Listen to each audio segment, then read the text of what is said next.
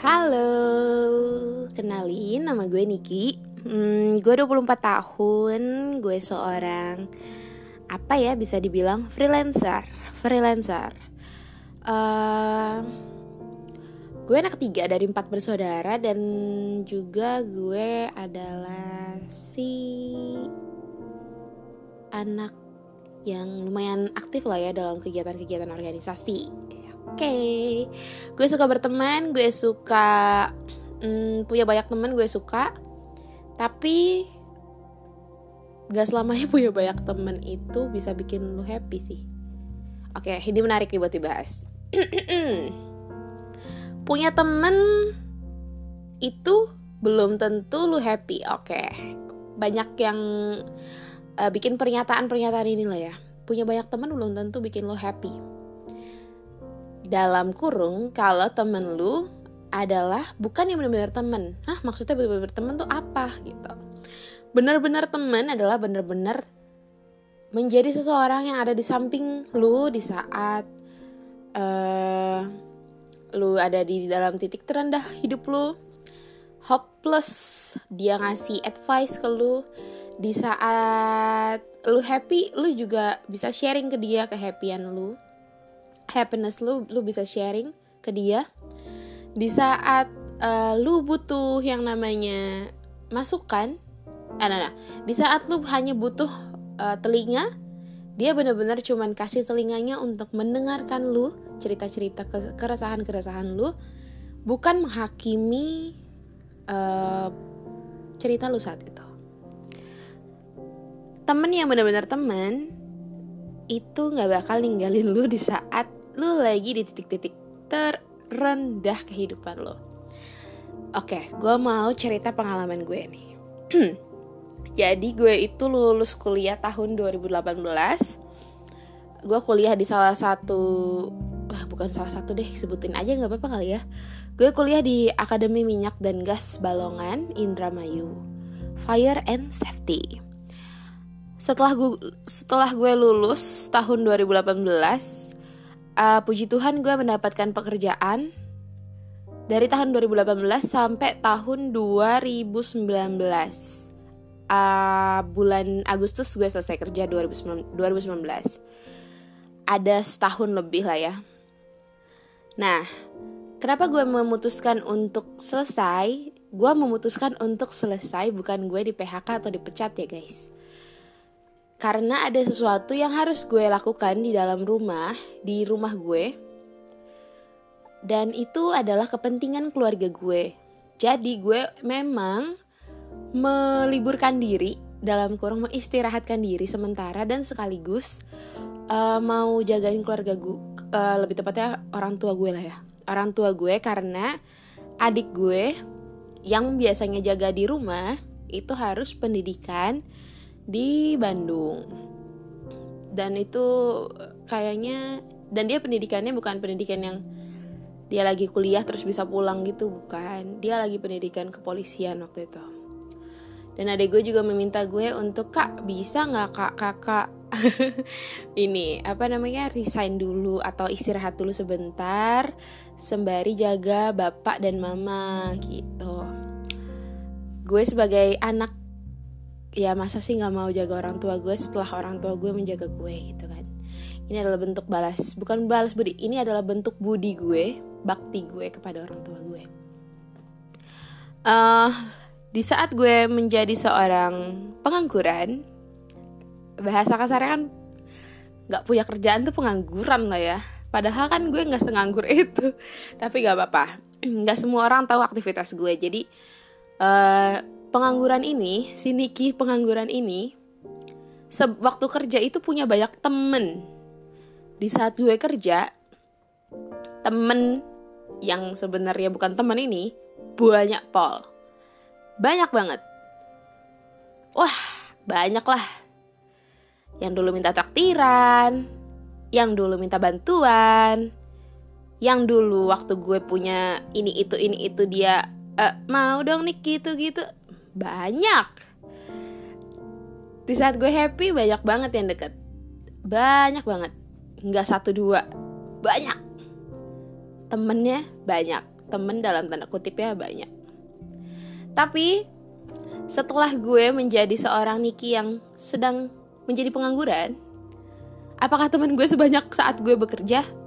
No. No no no bisa dihitung kali pakai tangan yang bener-bener temen gue itu siapa aja dan yang menyakitkannya di saat gue sedang tidak bekerja, tidak punya karir, yang adalah di umur gue itu adalah sesuatu yang harus dibanggakan oleh manusia-manusia seumuran kita kan. Usia-usia produktif 20-an itu sangat membanggakan yang namanya pekerjaan. Di saat hmm, apa ya namanya kebanggaan itu nggak ada di dalam diri gue orang-orang nggak semua memang. Kebanyakan menjauhi gue. Sedih banget. Kecewa banget. Stres sempet. Uh, apalagi ya kayak ngerasa loh kok gitu sih gitu karena yang ada di pikiran gue adalah temen itu bisa menerima lu di saat lu gak punya apa-apa juga gue terima lu kok gitu. Tapi ternyata ah enggak kok. Banyak lagi yang lupa sama gue. Banyak lagi yang dulu minta bantuan gue terus sekarang gue minta bantuan ke mereka nggak diladenin. Banyak lagi temen-temen yang pura-pura nggak kenal gue waktu gue sapa. Banyak lagi yang nggak nggak pura-pura apa ya nggak ngeliat gue. Padahal gue di depan dia. Kan lucu. Kan kaget. Kan jadi bingung. Gue jujur waktu ada di posisi itu uh, rasanya kaget banget sih. Bahkan ini bukan temen yang setahun dua tahun ya sebelumnya. Bertahun-tahun lamanya tapi waktu gue ketemu dia di saat gue berti tidak punya pekerjaan bertitel tidak punya pekerjaan si anjir ini tidak mau menyapa gue sama sekali padahal gue udah senyum. Lu bisa bayangin gue gak sih kayak gimana rasanya hancur banget pasti kan gue kayak ngerasa di saat itu hah kok dia gini ya gue ngerasa kayak apakah untuk menjadi teman dia adalah harus memiliki sebuah jabatan atau pekerjaan? Gue dalam hati ngerenung lama banget. Terus nggak lama gue di situ di posisi keadaan kondisi itu gue akhirnya dijemput sama adik gue yang pendidikan itu. Dia udah selesai pendidikan puji Tuhan. Dia udah mulai bekerja juga.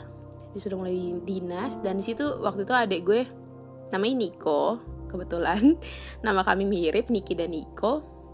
Kebetulan Niko di situ jemput gue naik motor. Dan uh, waktu gue naik motor sama Niko setelah kejadian itu gue kepikiran banget anaknya. Gue kepikiran banget. Biasanya gue nggak biasanya gue apa ya namanya gue cuek-cuek aja biasanya. Tapi ini karena ini adalah temen gue yang bertahun-tahun lamanya. Dan di saat gue merasanya ya di saat gue nggak punya apa-apa memang di situ gue nggak punya nggak punya pekerjaan yang yang bisa gue banggakan tapi dan di saat gue butuh yang namanya sapaan dan gue memang sudah menyapa duluan tapi dia ngerasa kayak eh bukan gue bukan dia ngerasa tapi dia melakukan hal yang membuat gue sakit banget. Ngerasa kayak ditampar. Ngerasa kayak sorry gue bukan temen lu gitu. Ngomong ke diri gue gitu. Karena power off. Iya power off. Anjir ada suara speaker. Karena gue ngerasanya kayak kok bisa ya ada pemikiran orang kayak gitu gitu. Akhirnya gue nangis dong. Jujur gue nangis tapi gue nangis yang kayak cuma netesin air mata doang terus sambil kepikiran gitu kan di jalan. Terus adik gue mungkin ngelihat Niko mungkin ngelihat waktu di kaca spion mungkin yang lihat ini kenapa nih kakak gue nangis nih? Mungkin dia bertanya-tanya nih kenapa kakak gue nangis ya terus akhirnya dari tempat itu kita nggak langsung pulang. Kita cari makanan dan minuman dulu dan adek gue juga mau nenangin gue dulu. Sebede Cih, gue mau ngomong kebelibet Sedewasa itu adek gue saat itu ngelihat kakaknya nangis. Jujur gue kalau inget-inget ini lagi sih gue agak-agak sedih ya. Mm-mm, Ya wajar lah ya Gue nangis karena ngerasa kayak Tuhan kenapa sih harus kayak gini banget ya gitu Di saat itu memang gue sudah ada di tahap yang uh, sudah bisa untuk keluar rumah dan boleh mencari pekerjaan di luar kota lagi. Tapi memang Tuhan belum sediakan dan Tuhan memang belum kasih waktu itu. Tapi gue sudah mencoba melamar-melamar pekerjaan lah. Tapi sampai ya nggak lolos lah, cuman sampai tahap-tahap wawancara doang. But it's okay for me karena di setiap kejadian di dalam hidup gue, gue selalu mendapatkan pelajaran yang berharga sih. Terus habis itu gue ngerasa kayak ya itu Tuhan kenapa sih Tuhan?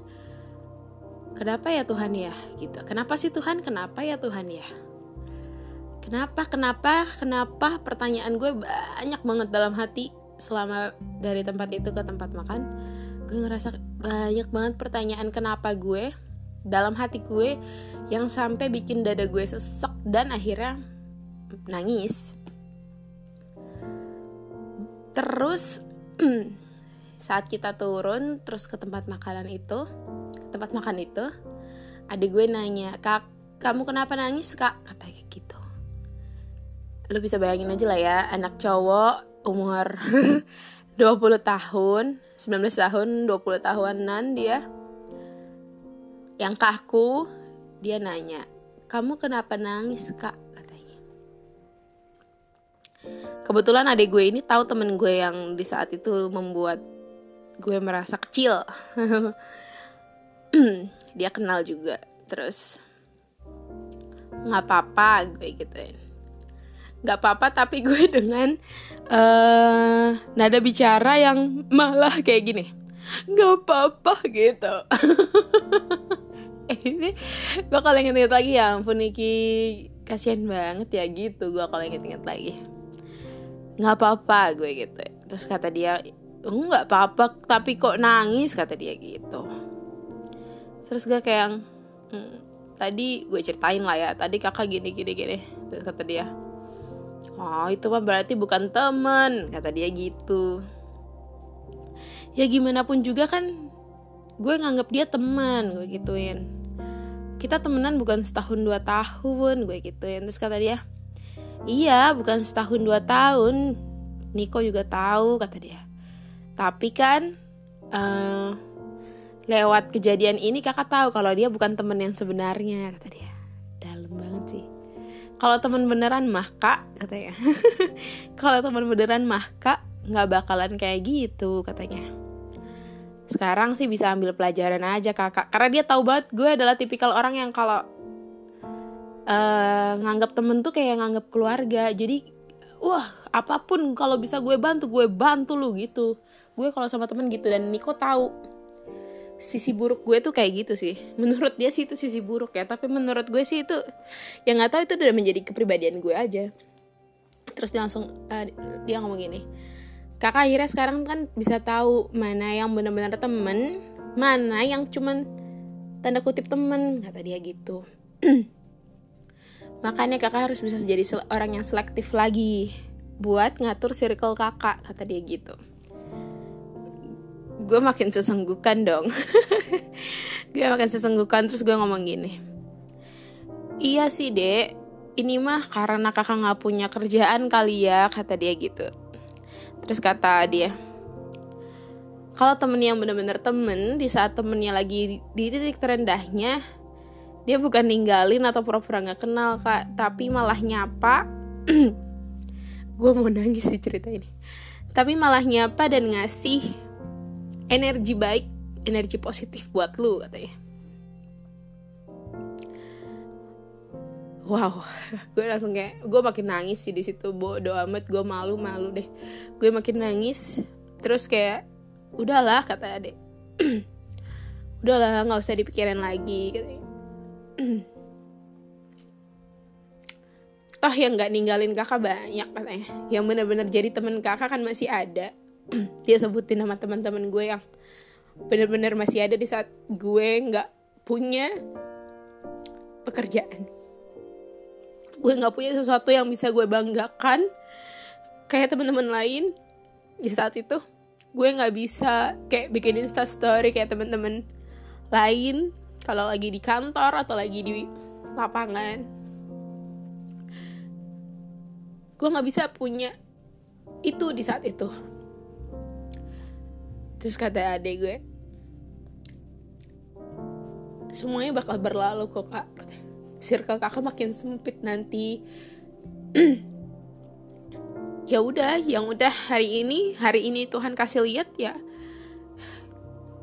Gak apa-apa kata dia.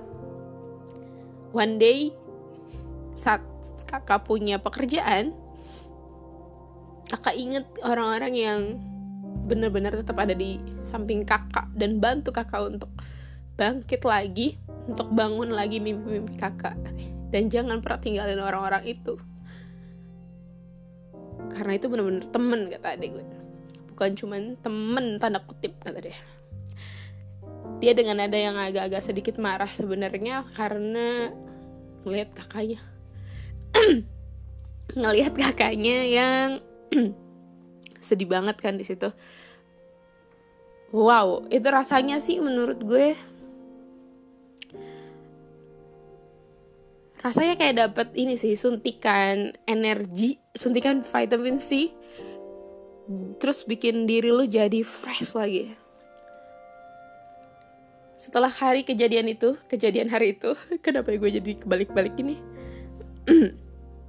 Setelah kejadian dari situ gue jadi berpikir apakah apakah gue pernah menjadi teman tanda kutip bagi teman-teman gue yang lain? Ah puji Tuhannya sih nggak pernah ya. Terlihat juga dari kata-kata adik gue yang kalau gue temenan tuh gila loyalnya parah gitu. Gue kalau temenan sayangnya sayang banget parah. Karena gue udah nganggapnya kayak lu bakal lu lu ada lagi di di ini di circle gue gitu. Ya kali gue gak bantuin ya kali gue nggak bikin lu uh, happy atau nggak bikin lu berharga lah ya kelihatannya berharga gitu. Enggak lagi gue. Puji Tuhan sih gue nggak pernah kayak gitu ya. Tapi satu pelajaran gue adalah if one day in the future ada temen gue di saat dia di titik terendahnya. Dan mungkin temen gue yang tidak menyapa gue ini adalah ada di titik terendahnya. Maybe in one day at the future gue gak bakal berperilaku seperti dia ke gue waktu itu. Karena dari sisi psikologis itu sangat-sangat bikin down, hancur, bahkan bisa hancur untuk orang yang emang lagi berusaha dalam apa ya namanya? memperbaiki atau mulai membangun kembali rasa kepercayaan diri dia dan juga mimpi-mimpi dia. One day saat kalian punya temen yang emang lagi lagi lagi di titik terendah kehidupannya bukan cuma pekerjaan aja. Mungkin dia lagi sakit. Mungkin dia lagi sakit dan butuh bantuan moral.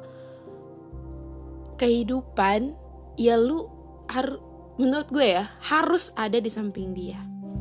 Kenapa? Karena di saat lu sehat di saat lu happy di saat kalian berdua sehat di saat kalian berdua happy kalian bisa bareng-bareng tapi kenapa di saat salah satu di antara kalian sedang ada di titik terendah kehidupannya, kalian gak bisa turun, menurunkan emosi dan juga psikis kalian juga harus bisa nih yang namanya gue suntik nih energi positif buat lu biar lu bisa lagi naik ke atas dan kita bareng-bareng lagi kita happy happy lagi gitu. Bukan membantu membantu apa ya namanya? Gue bilangnya membantu yang gak guna. Atau gak sih membantu yang gak guna? Kayak di saat mungkin ya ada di teman lo ada di titik yang gue butuh orang yang mendengarkan gue misalkan. Tapi lu malah jadi orang yang bukan mendengarkan tapi menghakimi. Itu juga bisa membuat temen lu jadi lebih down kalau dia butuh mendengarkan kalau sorry kalau dia butuh pendengar lu cukup untuk menjadi pendengar. Mungkin dia pengen menyalurkan ceritanya aja tapi dia nggak butuh yang namanya nasihat lu. Jadi lu hanya orang yang di sampingnya jadi dia udah cukup. Dan kalau dia minta menurut lu gimana? Kasihlah masukan yang bukan penghakiman. Jangan cuman ngomong, ya Ella lu mah baru kayak gitu doang, nih gue. Gitu. Itu itu sih menurut gue temen anjing. Sebenarnya sih apa ya namanya? Jangan jangan menjadi temen yang tanda kutip teman itu. Saat temen lu ada di titik terendah hidupnya jangan ditinggalin. Saat temen lu butuh yang namanya uh, apa ya namanya? Energi positif ya. Menurut gue energi positif itu sangat-sangat kuat banget sih berpengaruh dalam hidup gue. Di saat temen-temen lu butuh energi positif yang sebenarnya dilakukan oleh lu dengan secara sederhana aja dia tuh bisa ke charge gitu energinya disapa sama temen yang udah lama gak ketemu dan tahu kondisi lu di saat titik terendah hidup lu itu itu membuat temen lu yang ada di titik terendah itu bisa lebih happy lagi bisa ngerasa kayak oh gue keberadaannya tuh dianggap gitu. Oh gue gue masih disapa lagi sama dia gitu. Itu tuh membuat dia menjadi lebih percaya dirinya ada karena nggak ada yang tahu kehidupan ini bakal berjalan kayak gimana. Karena nggak ada yang tahu kehidupan ini berputarnya kayak gimana. Lu nggak mungkin di atas terus dan dia nggak mungkin di bawah terus. Jadi, ayolah kita jadi manusia yang benar-benar memanusiakan manusia, bukan manusia yang jadi parasit, manusia yang jadi setan intinya kalau bisa happy bareng-bareng terus kenapa enggak? Punya banyak temen itu menurut gue happy bikin happy. Asalkan temennya bener-bener temen bukan temen tanda kutip.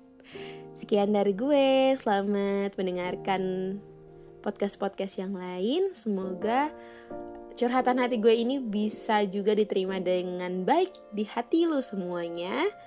Dan semoga lu bener-bener nemuin temen yang bener-bener temen bukan temen tanda kutip itu. Dan semoga hari lu menyenangkan. Dah.